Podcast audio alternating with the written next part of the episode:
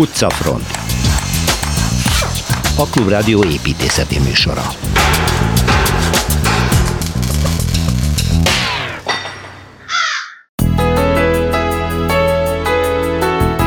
London, ahol még a fű is másként nő, mint itt bent a kontinensen, Szilveszter Ádám nosztalgia utazása a brit fővárosban. A Magyar Szecesszió egyik csúcs teljesítménye a Lechner ödön tervezte posta takarékpénztár épülete.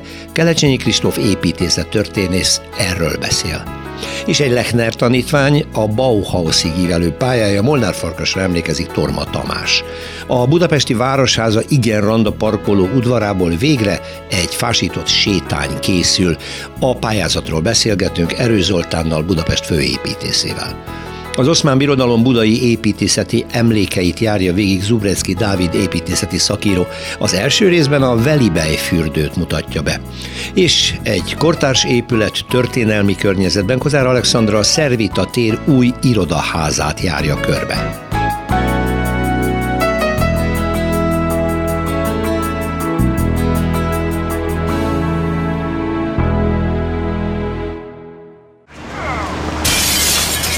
Városi tükör.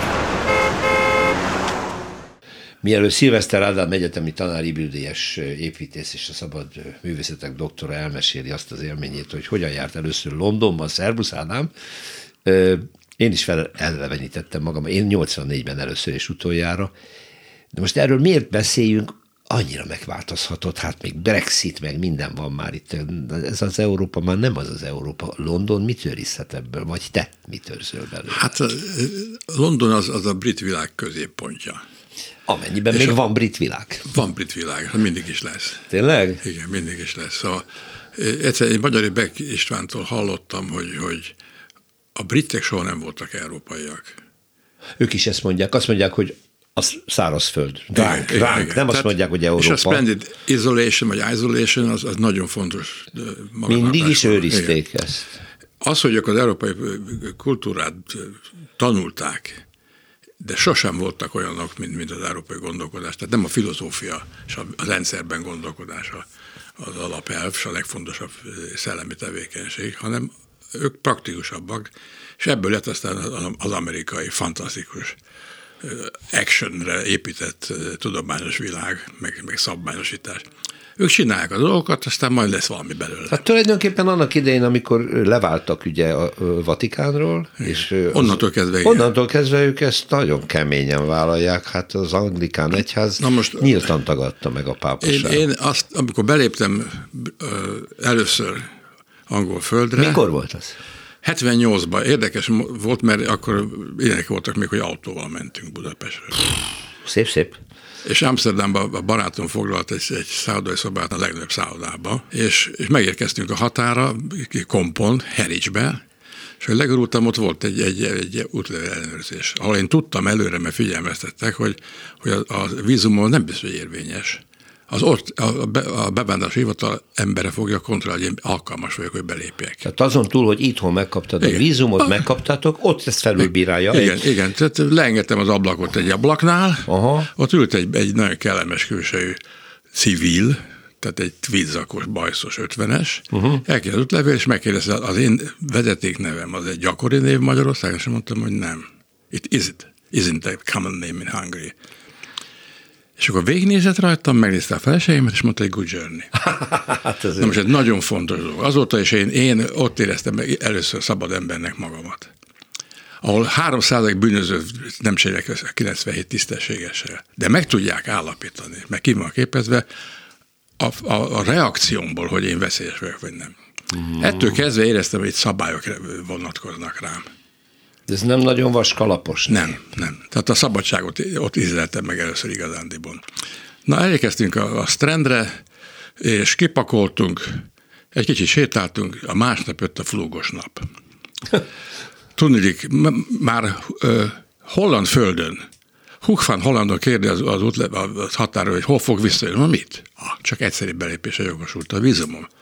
London, Londonba intéz el. Hoppá. Tudtam, van egy feladat másnapra Akkor jó kis kirándulás, avval kezdtem, hogy irány a hivatal. Igen. És kimegyek, hogy na, az autóm ott van még a helyén. Tudnék, a Strand, az egy nagyon nagy szálloda, mm. rajta van az a nagy sugárzó, ami egészen a Buckingham palotáig fut a Méla folytatása, és ott mondom, kimegyek, és nincs ott az autó. Jaj. Meg a portásra nincs az autóm. Azt mondja, hát azt elvitték a rendőrök el, halál, ott át, ott nem lehet állni. Ha nincs, nem volt nába, semmi nem volt. Nem akarom sokat mondani, elkezdett megyek a rendőrségre, és ott megkezdték, hogy mi a rendszámom. És elmondták, hogy igen, elvitték, és a Marble arch van a, a Hyde Park sarkán. Egy, és egy vagyon. Egy 27 font. font. 78-ban. Igen. Na most, amikor visszajöttem, és mondtam, hogy drága portás úr, hova hozzam az autót? Nem mondtam magának, hát nekünk szembe a Szavolyban van a bérelt helyénk. Uh-huh. Uh-huh. Szavoly, ahol Diana Rossnak volt koncertje, meg nagyon érdekes. Na, akkor elindultunk gyalog. Gyalog elindultunk a Stranden, fantasztikus a Londonban levés. Tehát én most már tudom, hogy miért ment az Antonio ott forgatni a blow-upot, a nagyítást. Piros, gyönyörű emeletes buszok jönnek Szegecselt, csak kapcsolatokkal. Igen. Piros a telefonfülke. Ezek a brandjei, Igen. valóban. Igen. Meg érdekes az emberek. A, a, a férfiak ugye munkaidőben intézik a hivatalos ügyeket, rendkívül elegánsak. Rendkívül elegáns. A nők sl- slamposak és nagy darabok, igen. De a férfiak kifejezetten elegánsak. Elővágok, és egy, láttam egy olyan jelenetet, hogy egy pofa lovagod nadrágot szabatott és egy olyan vitrínen néztem keresztül, ahol ő fölpróbálta a nadrágot. Volt egy fantom, azon a nyereg, három idős úr türköt állított, és ő nézte, hogy nem vette ráncot a fenekén vagy a combján. Ez hosszú-hosszú eljárás volt. Na, megyünk a, az úton, és elérkezünk, balra van a Charing Cross, az egy vas, vasútállomás. Most régen az volt a pont, ahol hat út érkezett be, és ez volt a középpontja az akkori Covent Gardennek neve, belső területnek a központja, és mellette létesült a Trafalgar Square. Kicsit szembe vele, egy lejtős terepen, nagyon érdekes. Az a főter, ez a király, királydő tulajdona, ott állítják fel a karácsonyfát. Szemben fönt van egy nagyon szép eklektikus épület, az, az a Nemzeti Galéria. Igen. Van mellette egy, egy, egy, egy nagyon szép anglikán templom, Szent Mártonra emlékezik, és ott vagy hatalmas nagy oszlopon Nelson admirál, és hogy a Trafalgar csata, ami nagyon érdekes, mert az, az Kádiz és, és Gibraltar között, között volt a tenger. Igen, és, és ott, ott szétverték a, a nagyon jó hajókat tulajdonló francia és spanyol közös spanyol, csapatot. Igen. Ők viszont nagyon tudtak hajózni, és nagyon jó volt a, a, a felkészültsége a, a, a, a matrózoknak. Na, ez egy fontos csata volt, és itt, itt sok minden eldőlt. Egyébként a briteknek a, a, az atlanti óceánáli, európai oldali dominanciáit megnőtt, és, és akkor alakult ki, hogy a földközi tenger is. Tehát utána már 1704-ben Gibraltar a lövék volt, de utána jött, hogy Suez, mikor megalak, ugye átjárható lett a csatorna, akkor Gibraltar, Málta, Suez. Tehát itt látszik, hogy egy nagy birodalomról van szó. Igen, hát birodalom, így terjeszkedik. Igen. Na, vissza a Trafalgar térre. Na, onnan, onnan fut tovább, és akkor egy hosszú-hosszú úton a Mélnek, vagy Molnak hívják, ott van, bal oldalt van egy, egy nagy park, egy tóval, a St. James Park, a másik oldalon meg szép paloták, amik ritkulnak, ritkulnak, mintha mennék mi a ligetbe, uh-huh. kifelé az András uh-huh. és akkor ebben egy pontról van egy, egy, egy ilyen körforgalomnak induló teresedés, ott van Viktória királynőnek az emlékműve, és mögött a Buckingham Palace. Alatta, igen. igen. Megnéztük, áll az őrség van, hogy medveszőr Igen. Na, akkor menjünk tovább, és, és elmegyünk, a, ott már a Green Park és, és a Buckingham Park között megyünk egy úton. Nagyon szépek a parkok. Általában hát, igen, Anglia, Anglia, Anglia tája, a barok angol kert, a táj is olyan vagy a táj jön be a kertbe, szóval nem mint a franciául ki van módolva, és nyesik, és írják, és ne gyötrik, a, ez, ez magát mutatja. Aztán ember elkezdik egy pontra, ott van a Hyde Park Corner, és akkor mi bementünk a Hyde Parkba, ott az peremén sétáltunk, és megérkeztünk egy pontra, Kicsit láttuk a Royal Albert Hall-t, egy nagy tégla épület, egy centrális nagy színházépület, ahol egyébként sportesemények is zajlanak néha.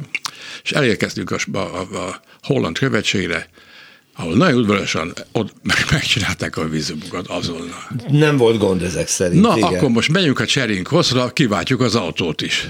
Ja, de jó kaland. Egyébként a Hyde Parkban szónokoltak akkor is rendesen, nem? Ott a szabad száj. Az, az ott, ott van, igen. Ott van egy ilyen... A Marblás, ott van a, a speaker corner. Igen, speaker corner. Soapbox, igen, a, igen, ott várják. A, a szappanos ládákra föl, igen, beszél. Mindenki mondja, beszél, mondja, mondja, igen. mondja, és nagyon jól szórakoztunk, mert láttuk, milyen türelmesen kivárják egymást. Igen, igen. Na no, most, szóval, ez, akkor... ez, ez, szóval itt, itt ugye most már a negyedik parkot említem, ez a legnagyobb. Ez nagyon nagy, átfut rajta egy patakot, egy hidon kellett átmennünk, de egy pillanatot el kell meséljek, álltam, a, a, ez Kensingtonnak hívják azt a negyet, ahol a, hmm. a, a holland követség van, nagyon szépek a házak. Tehát ott van az, hogy egy ház, aminek nagyon nobilis a, a homlokzata, az egy angolaknával indul, tehát van egy szuterén fél emeleten lejjebb, onnan a fél emeleten megy föl nagyon elegáns lépés, és gyönyörű ajtó van, egy kapu. Ez a tipikus igen. A londoni városi vörös tégla épület, és így egymás mellett vannak szalagban. Emlékszem, a Grosvenor Streetre az egy ilyen nagyon jellegzetes vöröstéglás angol ö, ö, házakkal beépített, nagyon érdekes. Nagyon szépek a színek, az, az, az meglepő, milyen bátor ö, módon kezelik az kapuk színét. Gyönyörű színek vannak. Tehát én azért szeretem a Dunhill cigarettát, és az is gyönyörű volt. Itt a reklám helye. Na most, most megálltunk egy, egy sarkot, és néztünk be a Hyde Parkba, és ott jöttek ki egy, egy éves úton eh, Austin taxik, cilinder is beleférje, fekete magas, és, és, és, utána láttam a gyönyörűen nyírt gyepet, voltak ott a kovácsolt vas eh, kerítések, és jött egy lovas, és nem tudtam, mi a legszebb a képen hogy a ló, a lovas nadrágja, a, a, a táskája, a taxinak a, a, a a homlokzata, vagy az, az a gyönyörű vasár. Tehát gyönyörű apró szépségek vannak Londonban. Menjünk tovább jövő héten. Én Jó. azt mondom, hogy óriási városról van szó, a katedrálistól kezdve mindent érdemes És még, még nem is nem mondtam, hogy hogy kaptam vissza az autót. Ja igen, azt majd azt akkor megtudjuk egy hét múlva Szilveszter Ádámtól. Köszönöm szépen. Köszönöm. Budapesti séta. Sok-sok emblematikus épület közül messze-messze kiemelkedik az, amiről Kelecsényi Kristóf építészettörténész fog nekünk beszélni. Szervusz Kristóf! Szervusz! Mert azt mondod, hogy Lechner egyik csodáját, a posta takarék pénztárat járott körbe, ez a Hold utcában található, az a baja, hogy nagyon keskeny az utca, és erre a gyönyörűséges épületre nincs egy igazi nagy totál kép rálátási lehetőség, de meg kell állni előtte, és hogyha a nyakunk nem görcsöl be, akkor hosszasan nézegetni a zsolnai díszítésektől kezdve a szecesszió csodáját. Ez hát igen. nem tudom, hogy az, a szakértői szemmel az életműben hol foglal helyet. Hát sok, sok, sok házról el szokták mondani, hogy hú, hát ez a legfontosabb az életműben, meg nagyon fontos. Erről is el lehet mondani, és joggal egyébként, tehát hogy ez tényleg a, a nem csak a, a, a Lechneri életműben egy fontos darab, de gyakorlatilag a magyar építészet történetben is egy tulajdonképpen kiemelten ünnepelt, kritizált, sokszor megénekelt és képileg és egyéb formában megörökített háza Lechnernek. Ugye ez a század fordulón épül meg 1899 és 1900 1901 között, és nagyon izgalmas tulajdonképpen az összevetés azzal, hogy gyakorlatilag majd, hogy nem párhuzamosan épül meg a tőle egyel délre álló nemze, Alpár Ignác féle nemzeti bankkal. És a funkció is hasonló, ugye mind a kettő pénz, pénzintézet, irodaház tulajdonképpen a korabeli, vagy egy mai fogalom, fogalmat használva. Még abban is hasonlítanak, ez is nagyon izgalmas, hogy, hogy mind a kettőt úgy alakították annak idején ki, hogy a felső szinteken még bérlakások voltak azzal, hogy majd ha a hivatalok helyi igények megköveteli, akkor ezeket a bérlakásokat felszámolják, és ott is irodák lettek, lesznek, és hát mind a két intézménynél ez is valóra vált. De hogy az igazán, ami igazán izgalmas, az az egyébként szemmel is látható különbség a két építészeti szemlélet között. Ugye Alpár Ignác és Lechner Ödön egészen más utakat járnak be. Gyakorlatilag ugye Lechnernek itt a, a, a stílus keresése és stílus teremtésének ér el egyfajta, hát mondhatni talán csúcspontjára, a, a, úgymond a 20. századi modern építészet felől tényleg nem véletlenül ez az a háza, ami talán a leginkább ünnepelt. Igen. Ez egy gyönyörű szép. Mond, Lechner tervezi ától szettig a díszítésektől kezdve minden az ő munkája? Mert ugye a zsolnai díszítésekre akarok kilukadni, hogy nagyon tipikusan ugye pénzintézeti motivum méhecskék és kaptárok láthatók az épület tetején. Bizony, ugye e, e, itt egy jó, jó, jó kérdés nagyon. El szoktuk mondani sokszor, amikor itt beszélgetünk, hogy na hát itt az építész mindent a bútorokig, kilincsekig bezárólag megtervezett. Nem mindig van ez így, de ebben a házban is így van ez. Tehát Lechnernek az az újító formavilága, ami tulajdonképpen ugye a, a, a historizmusnak, a történeti építészeti formáknak a, a, a levetkőzéséről és egy újfajta építészeti nyelv megteremtéséről szólnak. Ugye ennek a, a, része a magyar népi motivum kincsből, és számos más egyéb dologból erről nagyon hosszasan sok tanulmány van, hogy a Lechneri formák honnan jönnek, de ezekből levezetett nem csak, nem csak formák, de akár csak vonalak. Ebben a házban például rettenetesen fontos az a, az a vonal, amivel az épületnek a párkánya, ugye egy ilyen, egy ilyen folyamatos mozgásban tartva lezárul. És ezek a vonalak, ezek bizony az épületnek számos más egyéb részletében, a, a, az ülőgarnitúrákban, a bútorokban, az lépcsőházi korlátban is megjelennek, tehát nagyon koncepciózusan vonul végig az ő szemlélete és az ő forma alkotása a nagy léptéktől a legkisebb léptékig. Ugye itt az ilyen népi, ősi formáknak a felhasználása vonatkozásában ugye pont az volt az egyik problematikája az ő építészetének is, hogy hogyan lehet mindabból, amit egy, egy, egy paraszti székről, egy parasztház oromzatáról, egy, egy népi tárgyról, egy, egy ősi formáról úgymond megfigyelt, hogyan lehet mindazt egy akkori szóval is élve, tehát hogy akkor is használták ezt a fogalmat, egy modern irodaépületen alkalmazni. Ráadásul úgy, hogy ez egy rendszerbe illeszkedik, és maga is rendszer van. szervező, egy vagy két motívum, ahogy mondtad, visszatér a, a homlokzati elem valamilyen motivuma egészen az utolsó kis bútorig, vagy kilincs megformálásig, vagy lépcsőházi rácsik például. Így van, így van. Köszönöm, Kristóf, minden jót, szervusz. Szervusz. Perspektíva. Egy évforduló, építészeti évforduló, építész évfordulója, és ha ez van, akkor tudjuk, hogy Torma Tamás építészetkritikus érkezett az egy helyblokk szerzője, szervusz. És Bujék mindenkinek, Molnár Farkas, Molnár Farkas halálának hanyadik. 12-én. Azt nem tudom, hogy hanyadik, azt tudom, hogy 47-48 éves volt, attól függ, honnan nézzük, amikor meghalt, és elég tragikus körülmények között, mert egy, egy belővés vagy bombatámadás, ez végül sem derült ki teljesen, tehát, hogy ez a ö, Pasaréten vagyunk, a Lockároly uh-huh. utcában, ma is áll ez a ház, aminek a legfelső szintjén lakott ő, és ott volt az építész iroda is, és azt kapott és találatot. Feltehetőleg, de lehet, hogy ezt Ferkai András jobban tudja nálam, ott közel van ez a katonai akadémia. Igen, igen. Tömb, a lovarda, stb. Igen. stb. Tehát könnyen lehet, hogy azt támadták, és akkor inkább inkább belőés lehetett, lehetett ez. Uh-huh. Az ugye már 45 januárjában vagyunk. Igen, Budapest amikor ostroma már, amikor már nem kifejezetten bombázás ami elsősorban megy. Nevezhetjük kétszintesnek is ezt a lakást, mert fölül volt a, a műterem, egy csiga lépcsővel lehetett fölmenni, de így aztán maga a, a tervdokumentáció itt egyben vele is megsemmisült. Megsemmisült minden. Ja, mert itt volt az iroda. Igen. Az építészeti Igen, iroda. egyébként itt a környék az, ahol elsősorban felelhetjük, vagy leginkább felelhetjük, tehát főleg Budán. Van azt hiszem összesen tucatnál több villája van a környéken.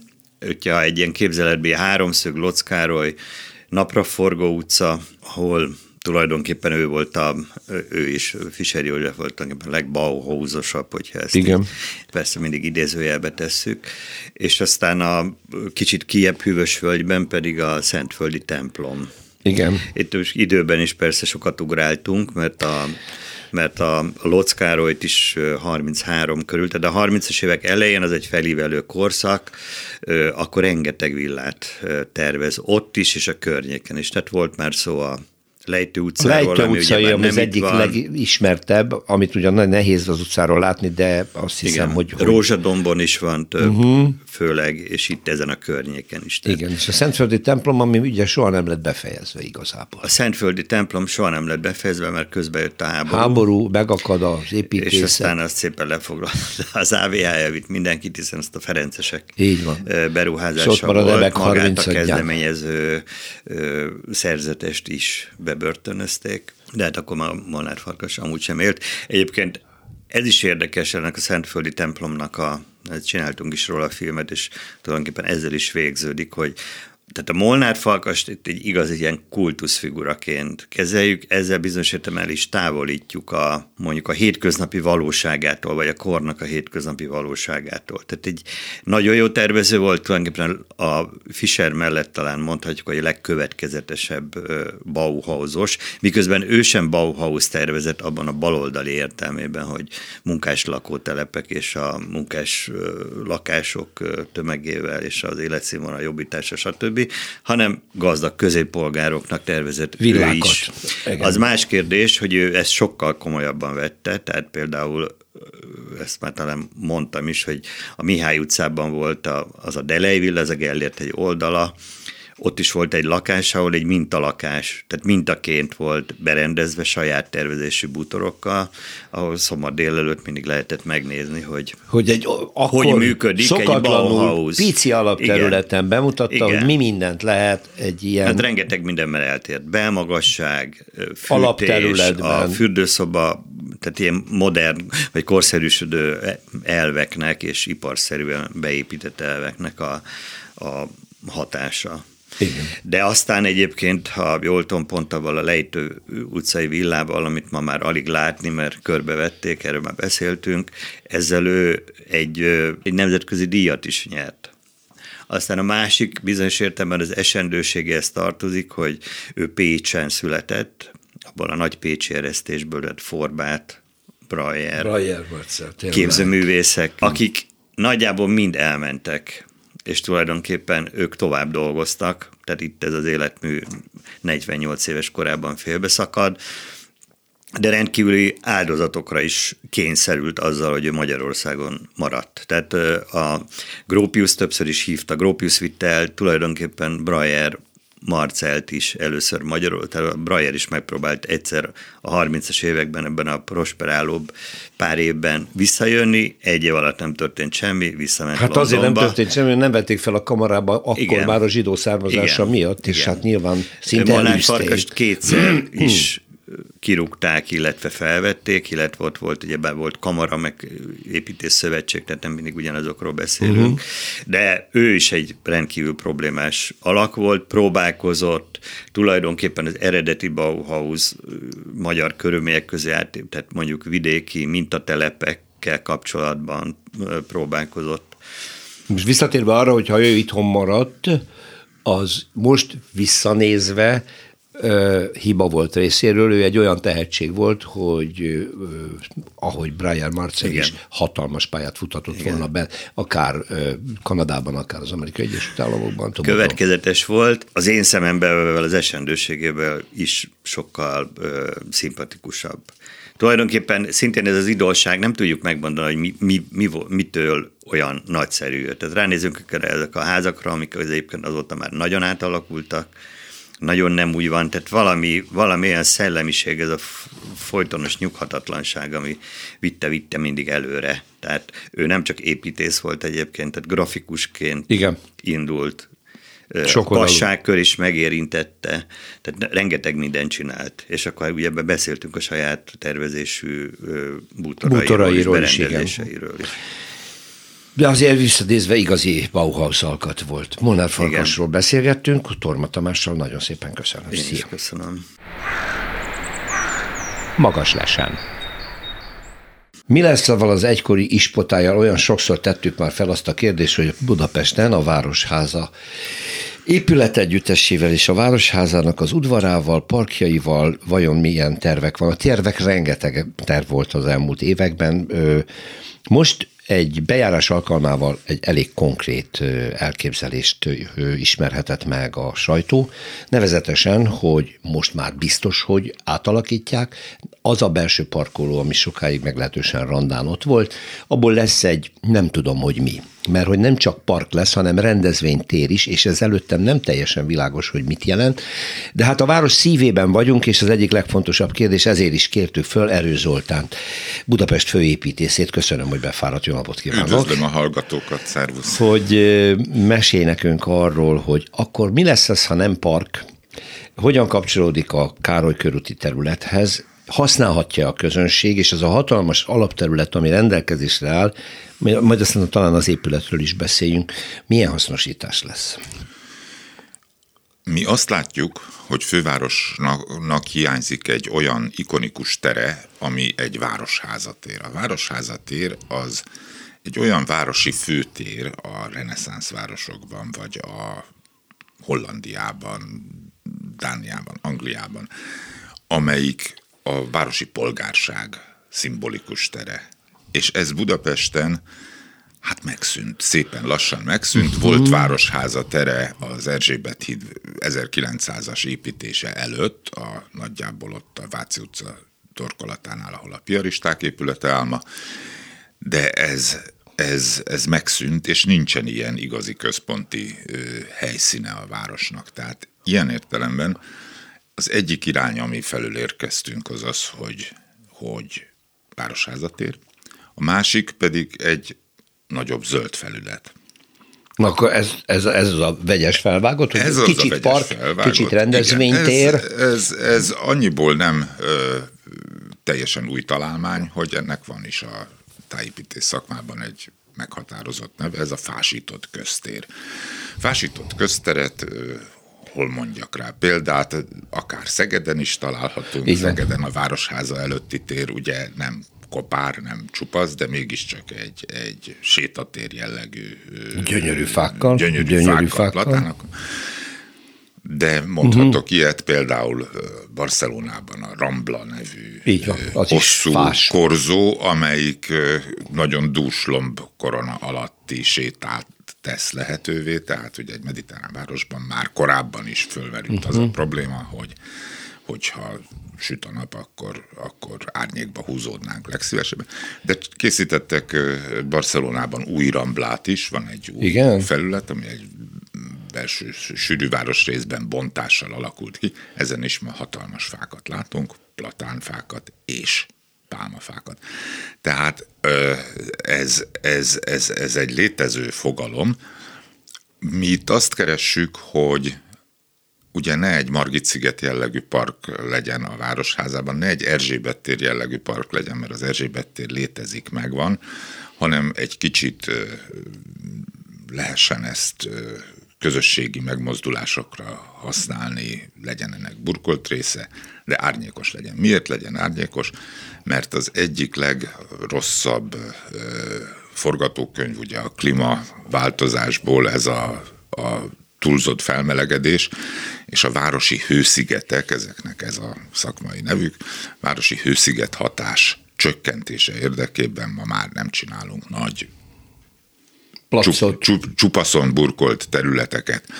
Hát a Kossuth téren éppen ez a baj, hogy a az meg az téren lett. Is, Kossuth téren is, de, de több ilyet nem kéne. Kossuth Igen. téren is azért vannak zöld felületek. Maradt valamennyi, maradt, és, csak és, a szép és nagy lombos fákból lett de, kevesebb. De alapvetően az egy ilyen nyitottabb tér. De hát ugye tudjuk, hogy a, a Firenzei Városháza előtt is nincsen egy darab fa se, vagy a, a Szienai Városháza előtti tér, amelyik egy az városépítészet történetének az egyik legszebb tere, millióan látogatják, de bizony ezen egy Igen. zöld felület, tenyérnyi zöld felület sincsen. Tehát mi valahol a kettő között keresünk, és hogy úgy mondjam, éppen azért is kell pályázat, mert kreatív energiákat kell ebbe a, a, a gondolkodásba Ez bevonni. egy tájépítészeti pályázat akkor Tájépítészeti, elsősorban. urbanisztikai, olyan értelemben uh-huh. építészeti pályázat, hogy a város építészetnek valamilyen elemei talán megjelennek a pályázóknál, és ez, ez, ez legyen. Mekkora alapterület ez? Ami... Ez körülbelül 18 ezer négyzetméter. Ajaj, ez igen impozáns. Most ez a 18 ezer négyzetméter, ez eleve egy kicsit tagolt, mert egyrészt a városházának a Károly körút felé néző szárnyai ölelik körül, másrészt benne áll az úgynevezett Merlin épület. Ez a Merlin épület, ez egy 30-as években használt elektromos kapcsoló tér, egy ipari épület, de azért hívjuk Merlinnek, mert a Merlin színház azért ennek megadta a, a rangját és a polgári használatát. Ugye ez De ez is újjá születik, ha és, jól és értettem. ez is fel lesz újítva, ez És is fel lesz újítva, lehet benne színház, tehát erről viszont azt kell tudni, hogy különösebb átalakítás nélkül lesz felújítva. Itt valamiért ezt bezárták, arra hivatkozva, hogy életveszélyes, most ezt nem úgy kell elképzelni, hogy össze akar dőlni, hanem az elektromos hálózat valóban kritikán aluli, tehát azt fel kell újítani teljes mértékben, és várhatóan ez is meg fog nyitni, tehát ennek folyik a, a tervezése és a kivitelezés előkészítése. Akkor szerves része lesz ennek a szerves része lesz térnek, a ennek térnek. a fásított térnek. Van egy szellemes javaslat rá, hogy ennek az egy hátránya, hogy a hátsó frontján van a bejárata. Igen. Ahogy mondtam, jelentős átalakításra nem kerül sor, tehát itt van egy szellemes javaslat, egy oldalsó terasszal jutunk a hátára, tehát ez az oldalsó terasz is valamilyen módon a Merlinnek a részévé fog tudni válni. Részben a park, részben az épület Igen. használatába állítható. Ami nagyon szimpatikus itt az, az elképzelések között, és azt kérdezem, hogy szerinted ez része lesz a, a megvalósított tervnek, hogy a Városház utca és a Károly közötti, Károly körút közötti terület összeköthető, hogyha átengedik a közönséget abban a belső átrium udvarban, ami ma a Városházának a belső udvara.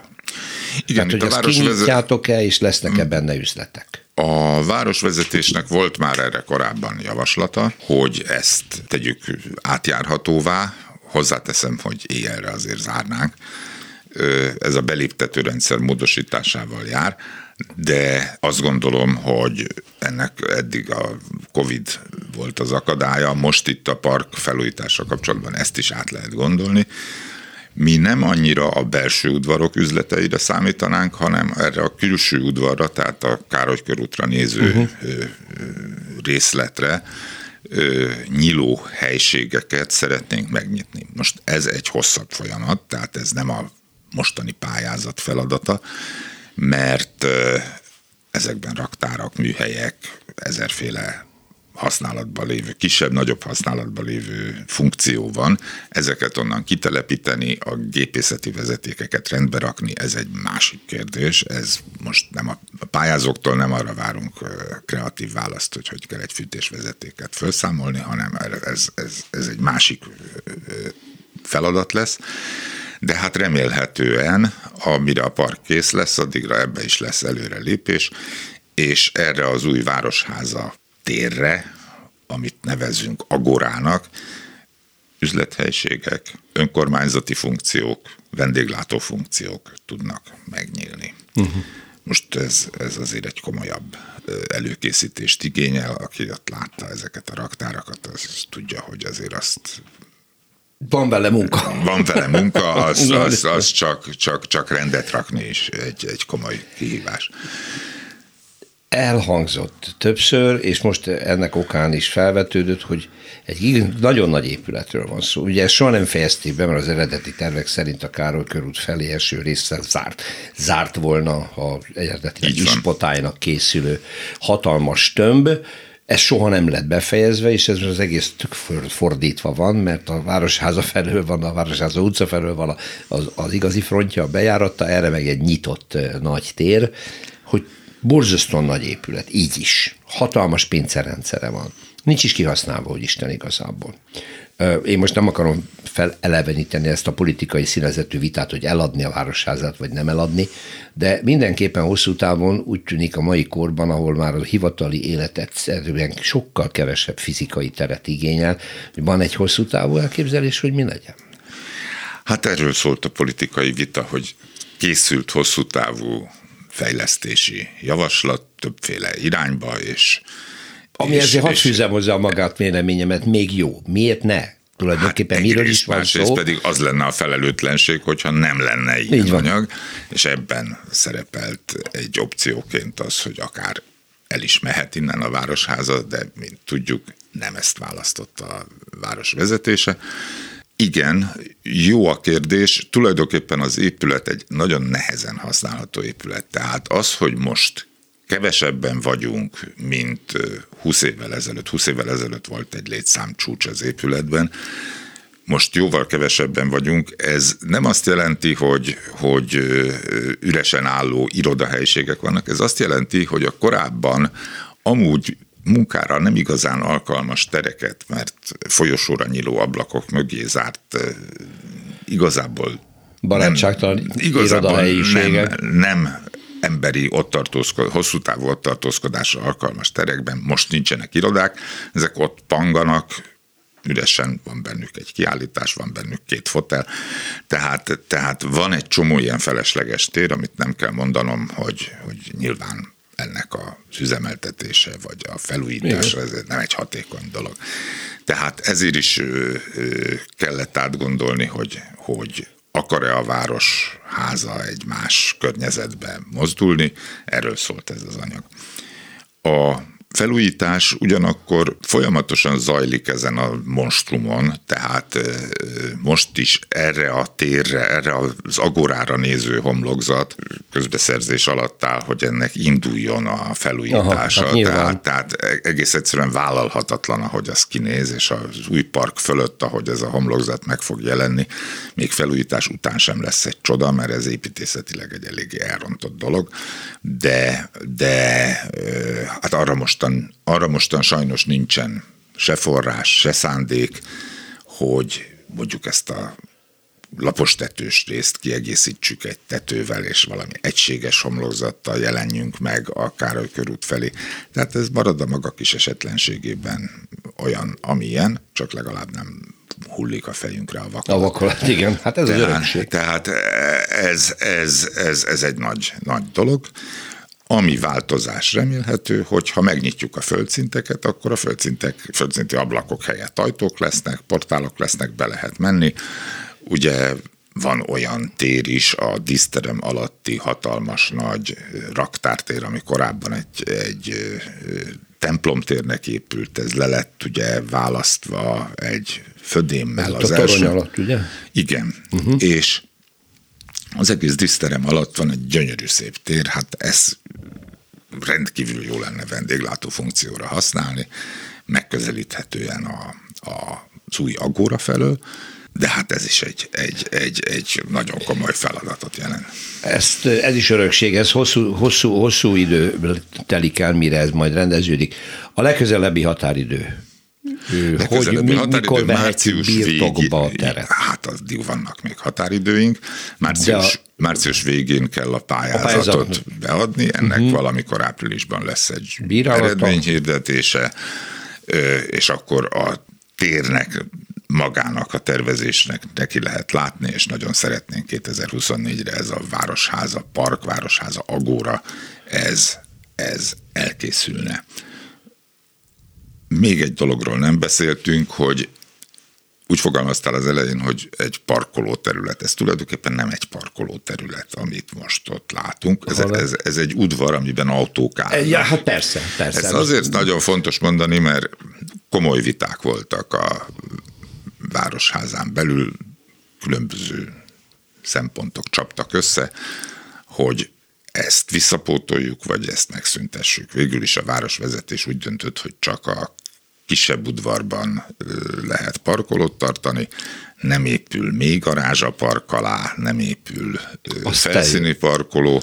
Nagyon tehát jó. tulajdonképpen itt városházi dolgozók rá lesznek egy kicsit szorítva arra, hogy villamossal, meg biciklivel Bicikli, roller, görkorcsolya. Ö, én ebben nem esek kétségbe, mert én villamossal járok, de ö, van, akit ez azért érzékenyen érint. Igen, de nagyon jó, hogy nem terveztetek egy mély garázs, mert az bevonza a közlekedőket, még több autó, így is iszonyatos a terhelés, hát és van az ott a gödör. Hát azt szoktuk mondani, hogy három metróvonal találkozásához nem illik egy 200-as mélygarást rakni. Igen. Ez volt az egyik leghangsúlyosabb érv. Nyilván másik oldalon megjelent az, hogy azért ennek az egésznek üzemeltethetőnek, működtethetőnek kell lenni.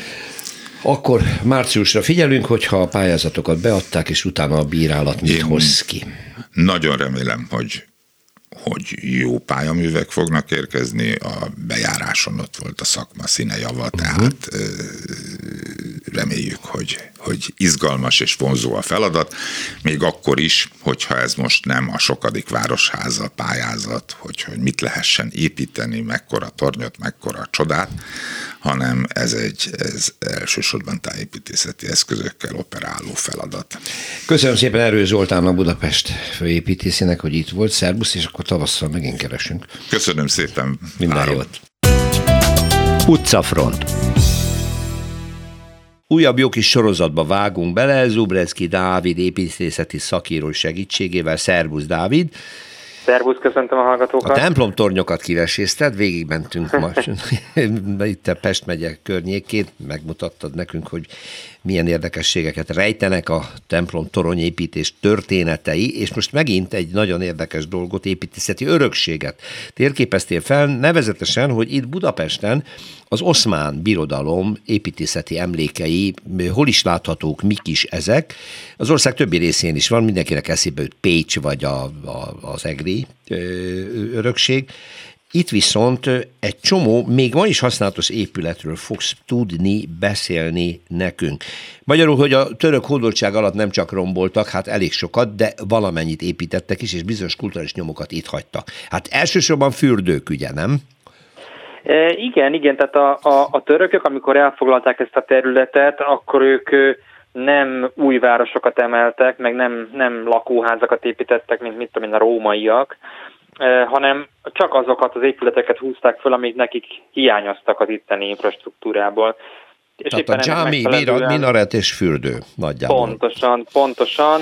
Ugye még a dzsámikat sem feltétlenül a legtöbbet, mert át tudták építeni a, a keresztény templomokat. templomokat. Szinte, uh-huh. szinte mindegyiket, a Mátyás templomot is átépítették. Uh, uh, illetve Ugye van, van egy-két katonai létesítmény, tehát a budai várban, hiszen ahogy itt voltak ugye ah, 150 tényleg. évig, ennyi idő alatt annyit fejlődött a haditechnika, hogy, hogy, hogy folyamatosan fejlesztették a, a, a várakat. Tehát majdnem mindegyik várunknak, amelyiket ők elfoglaltak és uraltak, tehát Esztergomtól nem tudom, Egerig, mindegyiknek van olyan létesítmény, amit a törökök építettek. Hozzá, igen. No, akkor vágjunk bele, és kezdjük el Budán a Velibej fürdő, annál is inkább, mert nagyon sokan nem tudják, ugyanis szinte nem lehet látni, mert el van bújtatva. Ugye a Hild épület mögött van, a kórház épülettel szinte szoros közelségben, és hát ráadásul már félig, meddig föld alatt ennek a történetek különösen érdekelne engem. E, igen, a, a Velibej fürdő az egyébként egy nagyon szép ilyen, ilyen sarokpontja e, a a város, a város, a Duna mellett végighúzódó fürdőknek. Tehát, hogy ha csak a török fürdőket nézzük, már akkor kirajzolódik az a geológiai törésvonal, uh-huh. ahol, ahol feltört a meleg víz, és ez a legészakabbi. Ez e, igazából Budán, Budán már eléggé kívül esett, a, a, lehet mondani, hogy az agglomerációban volt, egy kis túlzással, de a törököknek annyira fontos volt a, a fürdő, hogy, hogy még ezen a ponton is építettek egy, egy, egy fürdőt, mert itt nagyon ugye értékes a víz, hiszen ugye azóta is működnek itt nagy hírű fürdők. És érdekes, hogy, hogy a közelben van egy, van egy, van egy török fürdőnek látszó létesítmény, ami valójában nem az. Ami ott Srévizavé van a császárral? Igen, igen, igen, tehát igen, igen. És nagyon romos állapotban van, és mindig azt hiszi az ember, hogy ez is egy elhanyagolt műemlék, holott ez egy mű fürdő, ezt jóval később valaki felépítette. De... Igen, attól függetlenül ez egy védelemre méltó épület, mert, mert régi, de érdekes, hogy még az 50-es években, tehát a szociál idején is építettek törökfürdőt Budapesten, ugye Pesterzsébeten. Na de visszatérve a, Velibej. visszatérve a, a, a Velibejhez, a Velibejhez valóban nagyon korán e, beépült, e, e, ahogy említetted is, ugye a, a Hild épületet, illetve a kórház épületét ez már az 1800-as évek közepén körbe lett építve, és tulajdonképpen annak köszönhetően megmaradását is, uh-huh. mert ez a klasszicista Hild udvar tulajdonképpen rá támaszkodik, tehát, tehát felhasználták ezt az épületet, ezt az 1500-as években emelt kisfürdőt. És aztán később még jobban körbeépítették, és tulajdonképpen ez a egy nagyon komplex építészeti feladat volt ez, ennek a helyreállítása pont ezért, ugye Virág Csabának köszönhetően született újjá, hogy ezért legyen modell, legyen használható, legyen benne ugye a, a kortárs építészet elemei is, mai ember igényének megfelelő fürdő, de közben meg kellett őrizni valamilyen módon ezt a törökkori emléket, és a Hildnek a klasszicista épületét, ami pedig tulajdonképpen eltakarta ezt, felhasználta ezt az épületet. Úgyhogy ez egy nagyon-nagyon komplex dolog, és az az érdekes, hogy mivel a, sem a, a Duna felől, sem a másik oldalról tulajdonképpen nem látszik, ezért nagyon sokan van, akik nem is tudják, hogy, hogy ott van egy török fürdő. Miközben egyik legszebb. Legszebb és az egyik legkellemesebben használható. Kórházi gyógyászati célra is használják, de most azt hiszem éppen a Covid miatt nem látogatható, de hát ez majd el fog múlni, és építészeti szemmel is érdekes lesz megnézni Velibej fürdőjét a Dunaparttól egészen közel ott a Hild udvarnál. Köszönöm Zubdáci Dávidnak, folytassuk jövő héten egy másik emblematikus épülettel, már is mondom, hogy mi lesz. Én a Gülbabát választom, jó? Gülbaba tür, türbéjét, jó. legyen az Tökéletes a téma. választása, hogy ezt szintén mondanám. Szervusz, minden jót, köszönöm. Szervusz, szia, viszont hallásra. Utcafront. Két új irodaház is pompázik Pest belterületén, egészen egy valószínűleg pici térre épült mind a kettő. Ez a Szervita tér az egyik egy hajlított homlokzatú, csodálatos üvegpalota, a másik viszont a Szent Anna templom oldalára épült rá, ott egy régi új építés zajlott, itt valamikor a Matávnak volt egy székháza, elég ronda volt, és ennek a helyére építettek egy irodaházat. Akkor erről az utóbbiról fogunk beszélni Kozár Alexandraval, aki ezt most megismerte és megnézte, és hát kezdjük ott, hogy mit szólsz hozzá. Nem túl durva dolog-e? Nem, nem durva dolog, sőt finomodott ahhoz képest, mert egy nagyon kortársat képzeltek a megbízók, és nagyon sokáig ragaszkodtak hozzá. Ez az Emerald Residence, mert ugye ezt a hangzatos nevet viseli, Aha. egyébként igazából ez inkább szálloda és lakásokat tartalmaz. Ez egy, egy olyan épület véleményem szerint, ahol nagyon-nagyon jól sikerült megvalósítani azt, hogy illeszkedjen a tér egészébe, illeszkedjen a mellette lévő 1732 óta ott álló barokk plébánya templomhoz, a Szent Anna templomhoz, és tulajdonképpen körbe is ölelje őt. Ugye itt volt korábban mindannyian tudjuk a belvárosi távbeszélő központ, illetve matávszékház, amiből maga a telefonközpont az megmaradt.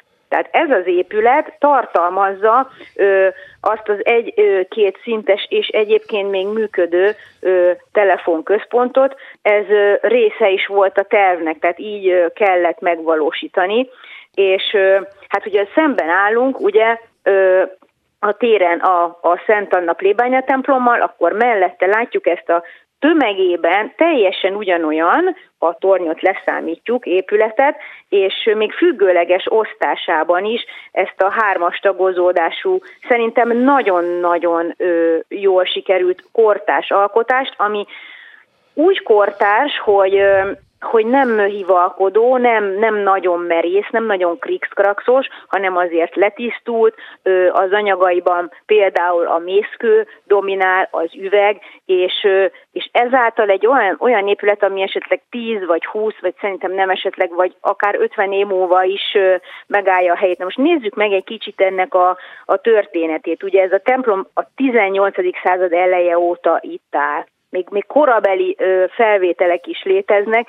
Ugye 1732 aztán ö, mindig át mellette valami, tehát először rendház, ugye, tehát sose volt az ott üres az a rész. De ennyire ö, rá volt építve már akkor is az első? Igen, nagyon-nagyon erősen. Ö, és aztán a belvárosi távbeszélő az teljesen. Hát és szinte megette mostani... az oldalát, bocsánat, fölfalta. Igen, teljesen egybe volt, és ezt a problémát is feloldja ez a mostani, mert e- ez nem teljesen ö, illeszkedik, tapad hozzá, hanem egy elegáns, vékony üvegfal köti össze uh-huh, a mhm, homlokzati uh-huh. rész felől nézve, a kettőt, és hát aztán ugye körbe megy, tehát ugye állunk a téren, aztán ugye a Petőfi Sándor ö, utcán van egy hosszú ö, része, ott ugrik ki az a rész, amelyik a, táv, a telefonközpont, akkor utána ö, kvázi így bekeretezi, vagy körbefutja, vagy befutott ugye a templom ö, hátsó részén. Egyébként a mai napig a pince szinten például le lehet menni a templom kriptájába, több ponton vannak kapcsolódások, és a belső udvarban lévő lakások, illetve hát hotelszobákból meg ugye rá lehet látni a templomra. Uh-huh. Ez is ad egy nagyon érdekes ilyen hát ilyen történelmi ö, hangulatot. Tegyünk valamit hozzá. Itt az tájépítészek nagyot alkottak, ugyanis középen létrehoztak egy sétálható teret, bejárható teret, ami egy nagyon szép lépcsővel emelkedve az új irodaház felé e, visz, és ezáltal kitágult ez a tér. És ugye hát ott nem közlekednek most autók, ami nagyon fontos, és ezáltal e, egy, egy használható tér is létre. Hát úgy elképzelhetetlen lenne, ha még továbbra is autós forgalom lenne, de még annyit ö, említenék, hogy az eredeti szabályozás szerint ez a, ez a mostani épület nem ö, lehetett volna ilyen magas, bár nem olyan magas így sem, azt hiszem négy szintes, de mivel nem ö, új építkezésnek számít, hanem csak átalakításnak, amiatt, hogy megtartották a telefonközpontot, mm-hmm. Ezért, ö, ezért így picit rugalmasabb szabályok mentén alakulhatott. Ja van mit nézni, most már itt készen vannak, a tér szép. Kozár Alexandra, köszönöm szépen, szervusz, minden jót! Szervusz, üdvözlöm a hallgatókat!